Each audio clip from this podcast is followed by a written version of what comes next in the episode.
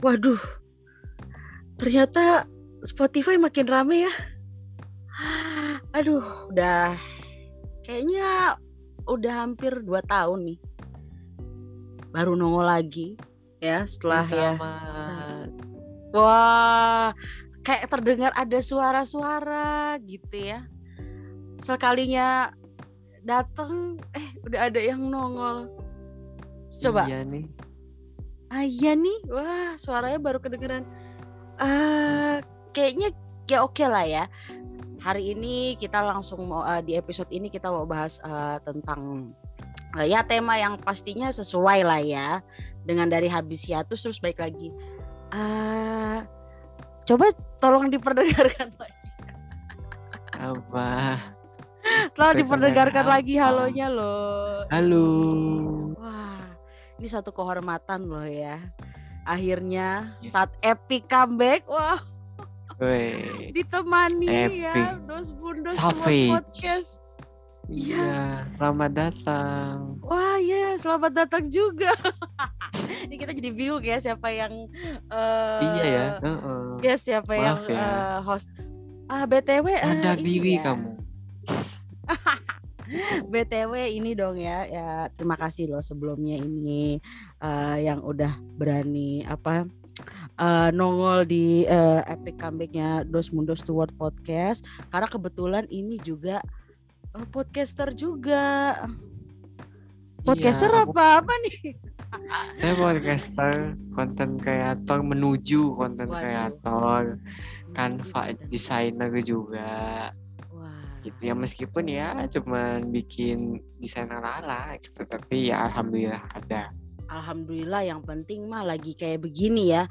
Maksudnya kan nggak iya. pernah ada hiatus kan? Anda tidak pernah ada hiatus Enak. kan? Aduh enak iya. banget ya. Paling oh, kalau aku hiatus sekali itu memang kalau saya udah lihat. akhir season. Ah, gimana? Iya. Paling kalau hiatus kalau akhir season. Jadi kan gue kan udah season 1, 2, 3, 4 hiatus paling cuman season habis season 1 nih dua minggu. Okay. Ya, kayak gitu. Nah, itu dia. Jadi Never ini dari out of ideas. Saya Wah. dari dari lahir oh. Saya dari Keren dari tadi. Ya. Oh, dari tadi. Ternyata dari ya special uh, bintang tamu di Dos Mundos World Podcast ini ya iya. ya seorang yang uh, memang sudah memiliki podcast sudah dua tahun ya kayaknya sama ya dua tahun juga ya bercuap-cuap di uh, per per podcast kan duniawi baik. Iya, ya, dari zaman sound cloud boleh disebut kompetitor. Yo iyalah. dari... Namanya juga cikal bakal gitu kan ya, iya, cikal bakal. Cikal bakal, cikal dari... bakal podcast itu sound cloud semuanya itu dari sound cloud. Iya loh ya kalau kita boleh. Iya. Uh, kita flashback flashback lagi gitu ya. Akhirnya sekarang juga uh, kalau orang-orang udah podcastan duniawi akhirnya di sini lagi di sini lagi di sini lagi padahal hmm sudah iya. bertahun-tahun yang lalu. Betul dan itu sudah orang sudah melakukannya gitu loh. Dan sebenarnya podcast ini kan epic comeback juga. Dulu tuh orang nggak nganggep podcast itu sangat penting loh. Tapi oke okay, ya gue akan kembalikan ke host karena ya gimana epic comeback? Saya ini memang excited. memang excited ya yang aduh bener-bener ini. Ya btw soalnya gini loh. Ah kenapa gitu ya hal alasannya alasannya gue hiatus pertama karena kan memang waktu 2020 itu memang yang namanya ya pandemi itu masih awal-awal ya kan jadi kita bagaimana mengisi hari-hari saat dari namanya hari PSBB hari bermasker. Oke. Okay. Oh, ini pengalaman banget ya susah sih ya namanya juga sesama podcaster. Nah, jadi setelah uh, uh, selama di pandemi kemarin itu ya kan kita uh, mengisi yang namanya kekosongan. Tapi akhirnya ada lagi lah kesibukan gitulah ya Ayang ya kan. Udah gitu uh, uh, udah gitu uh, masih mikirin-mikirin gimana ya enaknya uh, epic comeback gitu misalnya kalau kita mau balik lagi cari-cari momen gitu ya eh ternyata di 2022 ini di di Januari 2022 ini ya bareng sama dirimu. Allah sesama podcaster ternyata Diriku takkan pernah. Oke itu copyright Aduh, ya lanjut. tolonglah habis ini bisa lah kita cover lagu ya. baru. Tapi jangan di Spotify ya karena bayar ya bisa bisa aja lah di bisa bisa apa sih yang nggak bisa di sini? Coba. Pokoknya ya, kita udah masuk market jual... lah ya betul cuman yang nggak bisa di Spotify adalah jual pop mie seperti itu pop mie pop mie nggak bisa tapi mungkin pop song lah ya atau kalau saya city pop nih. Bapak mohon maaf. Windows aku. Oke oke oke. Lanjut okay. ya, lanjut kembali ke topik ya. Iya loh. Jadi ya, bagaimana jadi ini tadi kata kan ini kan epic comeback nih ya. Menurut menurut kamu nih mohon maaf nih saya sebagai host yang lancang apa? Nah, ini udah di ini udah udah di take over ini ternyata ya. Iya ya. Baik, Seperti. Iya. Ya karena memang epic comeback itu adalah istilah yang bisa dibilang uh, apa sangat-sangat uh, erat gitu ya di dunia maya. Kayaknya awal-awal kan kita kenal istilah epic comeback kan di dunia maya gitu loh yang ya nggak sih? Dunia game sih lebih tepatnya. Nah, kayak main Dota, epic comeback. Nah, karena kan kebetulan bapak ini juga gamers gitu loh. Jadi kan ini pas banget nih ngomongin epic comeback terus langsung wah udah dihubung-hubungin ke game nah. Jadi kalau tadi berdasarkan uh, ya sejarahnya lah ya gitu. Sejarah epic comeback berarti memang munculnya uh, istilah epic comeback ini dari game gitu ya ya. Iya. Betul sekali. Karena mm -mm. kan kalau di game itu ada yang namanya comeback. Comeback itu ibarat mm -mm. kata secara awamnya ya keadaan okay. yang berbalik gitu dan Bener ya keadaan yang berbalik ini ya keadaannya tuh bisa berbagai macam ya. Kalau kalau di game kan mostly kayak misalnya kalau kita anggap Dota mm. itu seperti apa ya bilangnya ya kayak tim kita udah mau kalah. Ah ini dia nih. tiba-tiba dia mendadak dapat peluang baru terus yang berhasil mengalahkan tim itu gitu loh. Jadi nah, kayak semacam iya kayak udah ya gitu. Kedengar kelihatannya kayak oh udah udah lesu, udah lesu, udah lesu, udah mati bahkan ya. Oh. Kembali. Pas udah Dan itu pun juga uh -uh, ya bagaimana?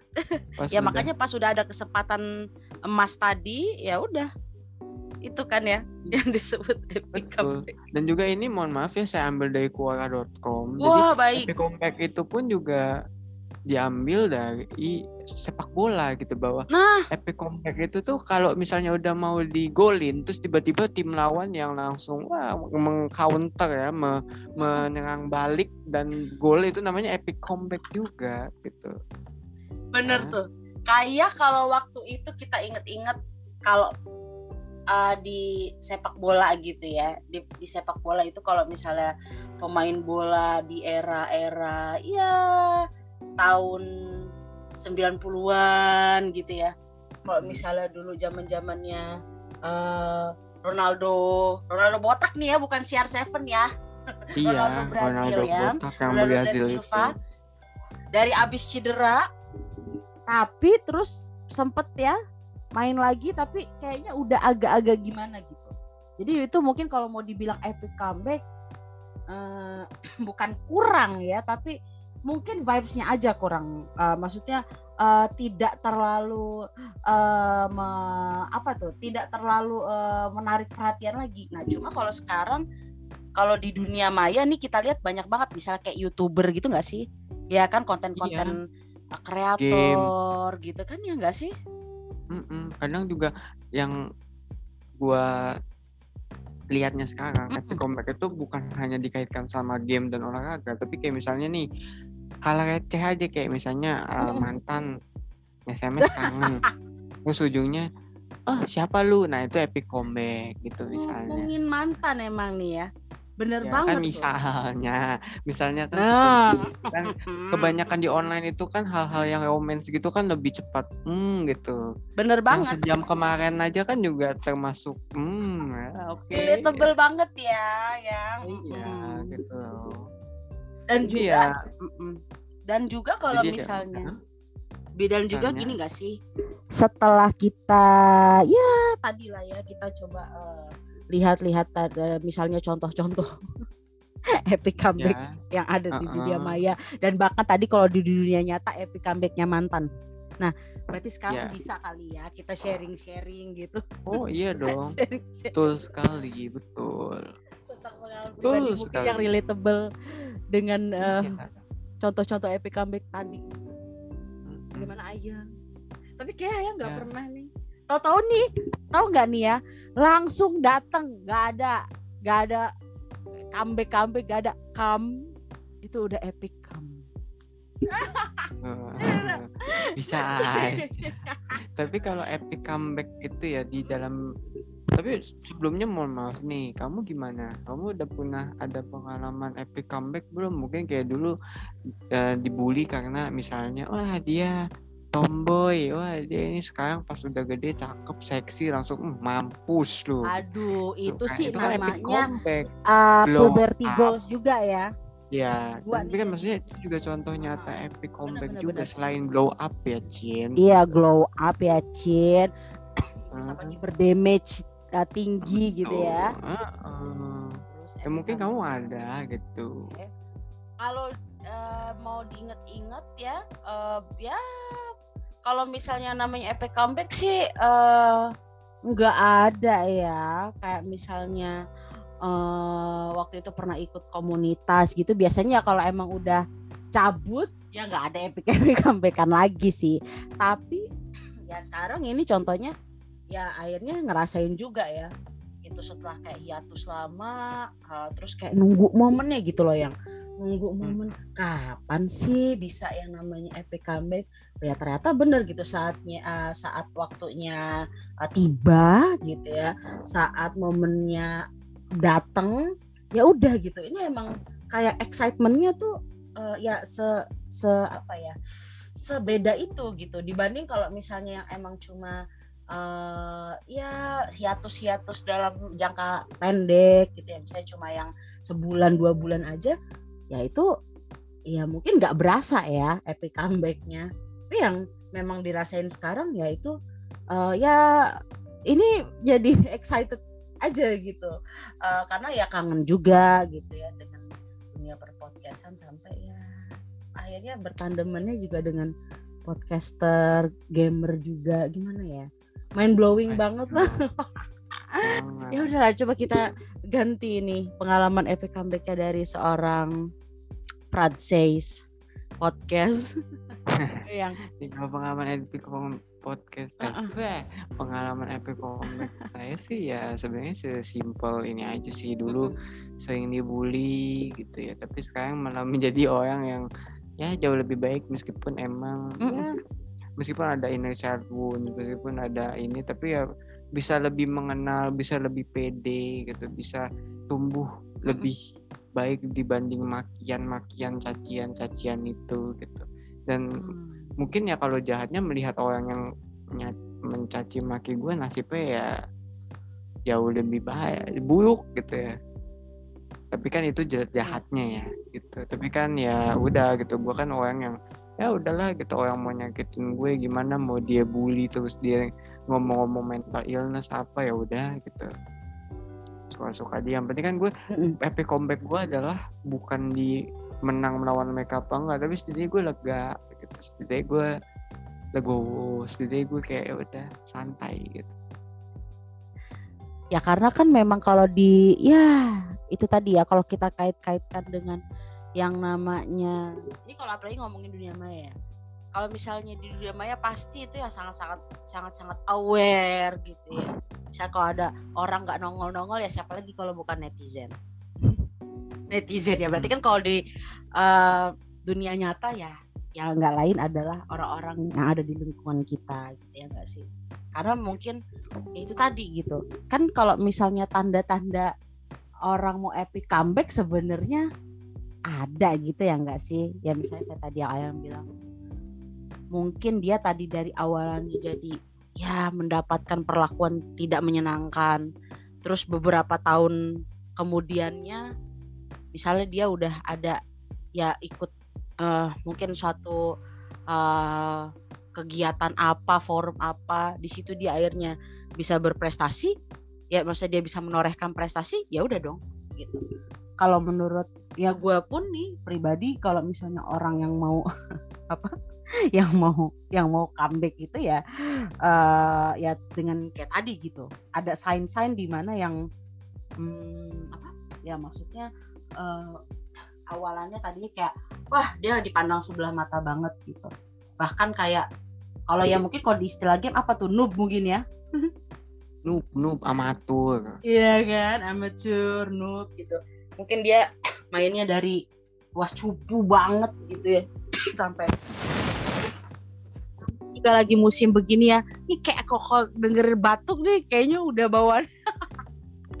Jaga kesehatan ya semuanya teman-teman di mana pun berada. masih omikron masih delta cron masih variannya udah mendekati nama-nama monster di Digimon ini ya Pak. Mohon maaf ya, Pak ya. mungkin besok Garurumon kayaknya. Ya itulah nah kita jadinya malah kalau mungkin kalau untuk covid sekarang malah kita nggak mengharapkan ada epic comeback deh ya. Oh kalau malah kalau mau pergi ya ini aja kali ya epic epic apa nih? Epic escape. Epic apa ya? Epic epical glory nah. Terima kasih Muntun. Ya makanya itu dia. Tanda-tandanya kan pasti kalau misalnya ya ini ngomonginnya di luar konteks game lah ya. Kalau ya tadi gitu orang yang mau comeback itu pasti ada tanda-tandanya mungkin ya karena uh, biasanya identik dengan apa apa apanya terus tiba-tiba dia zep blep tiba-tiba kayak nggak ada kabar ya enggak sih? Kayak dibilangnya apa istilah sekarang tuh kalau tiba-tiba menghilang nggak ada kabar. Ghosting agak triggering memang ya kata itu ya tapi ya nah. well gitu.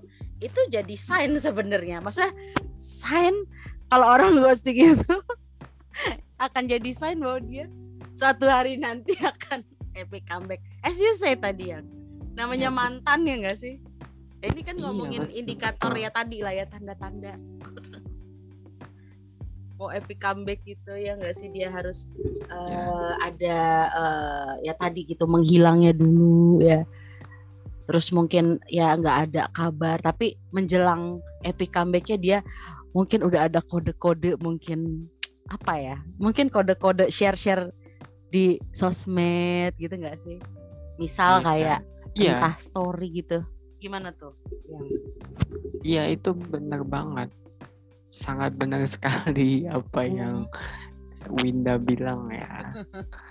Bahwa ya emang kalau orang mau komen tuh biasanya kayak gitu. Cuman yang menurut gue tanda epic comeback yang benar-benar epic adalah yang benar-benar kelihatan itu biasanya dari konsistennya. Yeah. yang hilang itu biasanya karena konsisten banget tuh. Dia kayak bodoh amat apa gitu kayak gak kelihatan gitu. Emang gak gak masuk ke ini tapi pas tahu-tahu kita dengar kabar dia dari orang kayak oh dia udah begini oh dia yes. udah begitu gitu jadi konsisten itu bukan melulu show harus di show tapi kayak terus ya udah bodo amat meskipun nggak ada orang yang peduli gue -huh. tetap jalan gitu well Dan itu menurut ya tanda indikatornya kalau dia mau comeback nah sekarang ada juga nih sebenarnya kalau dibilang uh, ya tadi ya apakah sign apakah uh, mungkin tanda-tanda tapi di sini juga ternyata ada ininya juga loh ya ada artikel ya ada artikel yang uh, membahas gitu tentang uh, apa ini ya tentang eight steps in an epic comeback gitu jadi ternyata tuh ya ada langkah-langkahnya gitu. Ada ada langkah-langkahnya ya nih. Ada langkah-langkahnya yang mana uh, sebelum epic comeback itu ya ini kita bisa jadiin apa tuh ya? Maksudnya kita bisa jadiin itu uh, sebagai uh, ya let's say tadi lah kayak ayam bilang dia uh, bisa bikin satu gebrakan ya nggak sih? Maksudnya bisa bisa bikin satu uh, uh, ya orang bilang apa ya kejutan ya enggak sih? Nah ini ada nih. Oh. Iya, balik lagi nih. Ya tadi setelah ya salah ya kita take a break dulu. Minum ya, SB. Nah ini dia, iya yang, nah ini dia nih yang tadi kita uh, bilang bahwa ternyata tuh kalau misalnya mau epic comeback ya itu ada delapan langkah gitu ya. Delapan langkah untuk membuat satu epic comeback yang dibuat oleh uh, Mercy Sheriff ini di uh, ya Renew Houston ya uh, salah satu uh, platform uh, apa ya berita gitu ya di uh, US. Uh, jadi ya, ya itu tadi bahwa kalau misalnya kita mau uh, epic comeback itu ada step-stepsnya. Jadi ada langkah-langkahnya dan kalau uh, menurut gue memang yang ini yang sering dilakukan para ya tadi entah gamers entah youtuber entah selebgram bahkan ya enggak sih? Yang oh, betul. akhirnya dari setelah hiatus balik lagi. Nah, yang pertama itu turning point. Ya kan? Turning point itu gimana tuh yang? Kalau misalnya lo tadi ya ada di titik yang memang lu berhenti ya kan? Terus lu langsung kayak apa? Kayak pengen ya udah gitu lo pengen pause. Jadi kayak lo iya, pause nya tapi kayak gue harus berhati-hati istirahat dan exactly. lo kayak mulai untuk hmm ini kayaknya kalau gue maju ke sini gue nggak akan bisa balik lagi. Tapi exactly. gue tentukan apakah gue mau atau enggak? Gitu. Kalau gue emang merasa ini mau ya gue hajar gitu. Totally gua adalah the reckoning. The reckoning ini intinya kayak ya kita sadar lah ini kan namanya menuju epic comeback itu realistis ya. Hmm. pasti ada setbacksnya juga. Maksudnya ada rintangan ada hal-hal yang menyudutkan kita apa yang kita rasakan sendiri gitu dalam perjalanan ini. Kita di mana sekarang aja itu udah termasuk gitu. Banget. Dan, dan ya. Ya dan pastinya kan kalau misalnya tadi udah dalam tahap kayak oke okay, nih pengen istirahat dulu pengen berhenti dulu. Nah di situ akhirnya dia kayak berkontemplasi gitu ya. Ya kan? Dari berkontemplasi tadi gitu ya dari dari apa yang misalnya dia udah what uh, have uh, they done they done gitu kan. Nah terus akhirnya di langkah yang ketiga yaitu clearing step ya maksudnya ini uh, eh, gue nangkepnya oh, sebagai very basic gitu lah. Ya sebagai basic, detoxification bersih, juga gitu ya. Ya detoxification dari um, ya di masa-masa hiatus lo itu akhirnya apa? Akhirnya lo di situ ya mengeluarkan racun-racun toksik-toksik. Ya kan selama lu berkegiatan betul, betul. di ya selama berkegiatan di situ akhirnya langsung ya setelah di setelah masa udah detox udah tenang gitu ya udah calming lagi semuanya terus di step keempat apa ini create a vision Ih, yang di mana kita ini. harus memvisualisasikan ini gua akan tambahkan ini ketika lo bikin Gimana ya? vision ini Mm-mm. ini sama kayak lo bikin Mm-mm. manifestasi sebenarnya kayak ah. lo memvisualkan apa yang Benar. akan terjadi gitu kayak gimana ya gini karena lo pengen gitu sampai ke sana karena lo mau gitu sampai ke sana dan itu kalau di law of attraction ya mm. lo udah termasuk melakukan satu step sebenarnya gitu jadi kayak ya tinggal masalah lo usaha aja gitu. Mm -mm. usaha berjuang bekerja bekerja, ya. bekerja dan tidak mengkhianati hasil okay. ya dan ini buat dan ini buat orang-orang yang visioner ini pasti jadi step yang paling ini ya. Step yang paling uh, essential gitu. Dan juga pastinya oh, iya. lebih ya kan kalau orang-orang visioner wah dia udah bisa langsung lihat nih saat dia anti epic comeback kayak gimana. Udah bisa three step ahead. Terus habis uh, visualization ya kita udah um, apa tadi ya kita udah uh, three step ahead. Habis itu ya pasti kita bikin rencana ya enggak sih yang ya kan nggak mungkin ya sekonyong-konyong. Habis kita visualisasi iya. terus langsung execute no. Gak ya, mungkin ya, jadi sampang serumpung. Nah itu sebenarnya itu sebenarnya kayak, kayak kayak saya loh. Tapi ya alhamdulillah kayaknya ini langkah-langkah ini udah saya udah saya coba ya ini saya terapkan. Ya, betul, betul. jadi dari abis uh, making apa uh, plan uh, untuk bikin uh, ya jadinya lebih organize lagi gitu ya. Jadi kayak yang tadi kayak ayam bilang pas comeback tuh kagak gerasak gerusuk nggak asal-asal uh, udah nih gue udah balik ayo lu pada nggak mau bikin gue viral lagi? Eh, si lau sokap ya kan. Nah oh, iya. habis itu setelah dari uh, making plan akhirnya ya udah langsung ke action. Iya dong. Jadi action Mana execute. eh eh ya bener juga sih ya. Action. Iya. terus apa namanya? Execute uh, dari uh, si plannya tadi. Tapi abis itu di step uh, ketujuh kita ketemu iya. Si maksudnya kita akhirnya ngelihat ada mungkin ya inilah ya permasalahan-permasalahan lagi ya nggak sih?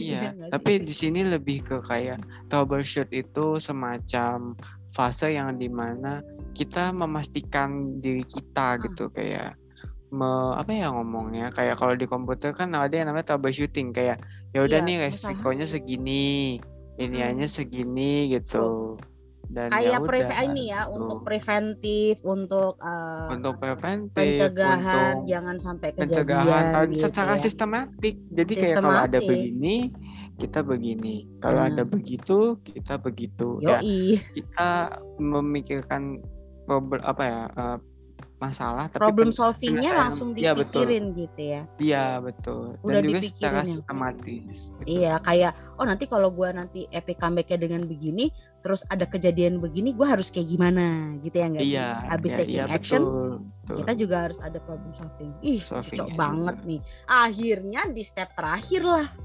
nyampe kita ini di mana lagi kalau bukan di Epic Launch? Ya maksudnya di bukan di mana lagi kalau bukan di Mac? Oh, okay. mana ini? Tolong ya. Udah jam segini kita telepon di 14.0 biasanya jam-jam rawan ini ya kalau udah jam segini. Iya uh, Mac pengen di aja. Oh, oh nih tolong nih listener mana nih ya? Kira-kira boleh lah ngirim-ngirim ke kita nanti kalau misalnya lagi jam segini lagi nge-podcast. ya jadi Epic Launch uh, di mana ya uh, kayak uh, pesawat Challenger gitu ya. Uh. Dia uh, melesat gitu. Akhirnya terjadilah epic comeback. Jadi ya itu adalah indikator-indikator atau tanda-tanda langkah-langkah dalam ya dalam yang mau berepic comeback gitu ya. Jadi tetap harus dipikirin gitu ya, ya. Gak asal-asal. Iya. Udah, gue balik nih gitu.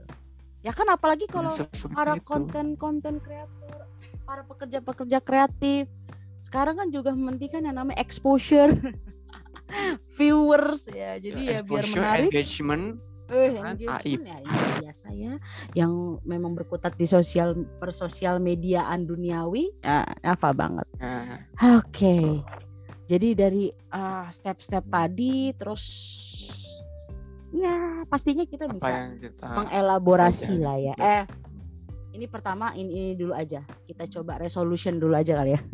Yang besar resolutionnya uh, kita melihat dari sisi positif si ya epic comeback tadi. Apalagi kalau dari langkah-langkahnya tadi sistematis dan sangat-sangat apa ya ya maksudnya organize pastinya kan akan menghasilkan output. Aduh bahasanya. Akan menghasilkan epic comeback yang bagus gitu kan. Nah jadi untuk uh, apanya uh, vision apa ya perspektif tentang epic comeback sebagai hal positif yang ya. Uh, vision aku ya bukan melihatnya tapi epic comeback itu emang ya dasarnya sebenarnya sudah positif ya. Cuman mm -hmm. kan bagi gue kadang kan disalahartikan kayak epic comeback itu kan kayak disamain dengan revenge. Ya yeah. sebenarnya ya belum tentu gitu epic comeback ya emang kita berusaha untuk menjadi lebih baik untuk diri kita sendiri misalnya True. itu kan epic comeback juga gitu loh.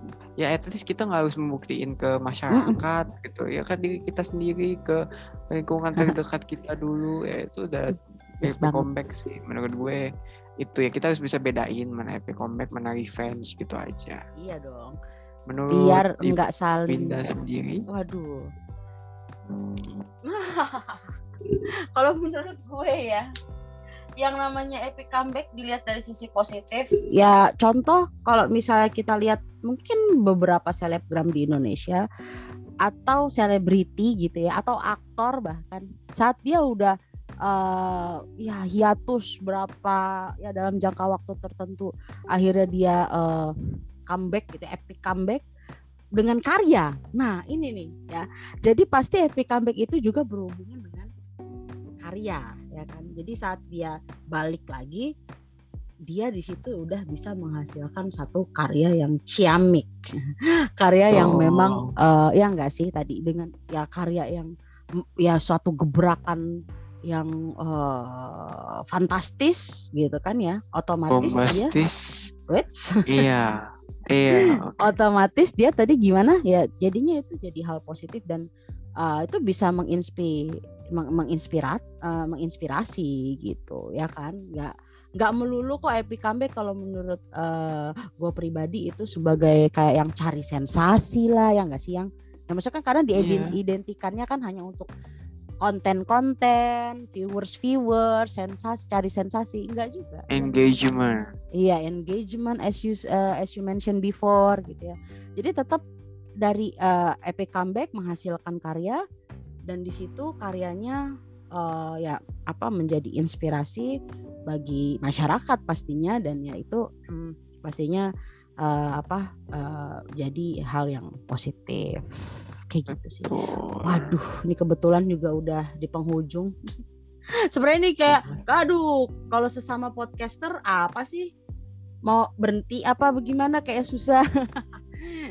Tapi benar, pasti benar, nanti ada kesempatan lagi lah. Ada pasti. kesempatan lagi. Tapi sebelum kita tutup di episode kali ini ya cobalah kita elaborasi lagi. Ya, jadi tentang apa si epic comeback ini ha di Bros Mundos to World podcast yang epic comeback. Tapi ya insya Allah ya ada lesson gitu.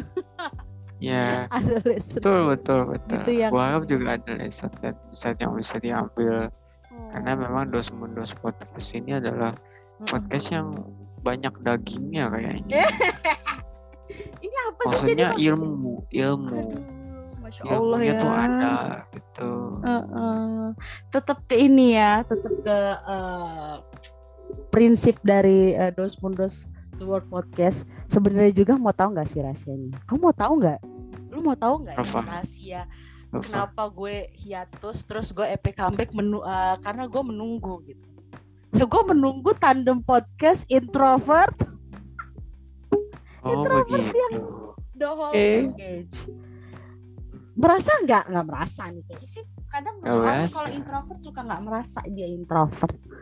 Yeah. gitu. Padahal ya lesson yang bisa diambil adalah ya kalau lu lagi ya memang dari comeback itu lo bisa tadi ya lu juga mengajak orang misalnya mengajak orang untuk ya untuk hal yang positif. Apalagi ya misalnya di situ berhubungan dengan karya lu ajak orang dan orang juga bisa mengambil lesson dari uh, karya tersebut dan juga bisa dinikmati orang uh, ya halayak ramai oleh masyarakat gitu. Jadi um, apa ya uh, ya semoga uh, setiap epic comeback itu ya ada inilah ya ada uh, pelajaran dan uh, pengalaman yang bisa dipetik gitu. Eh tapi seneng banget loh ini. Makasih banyak loh ayah wow.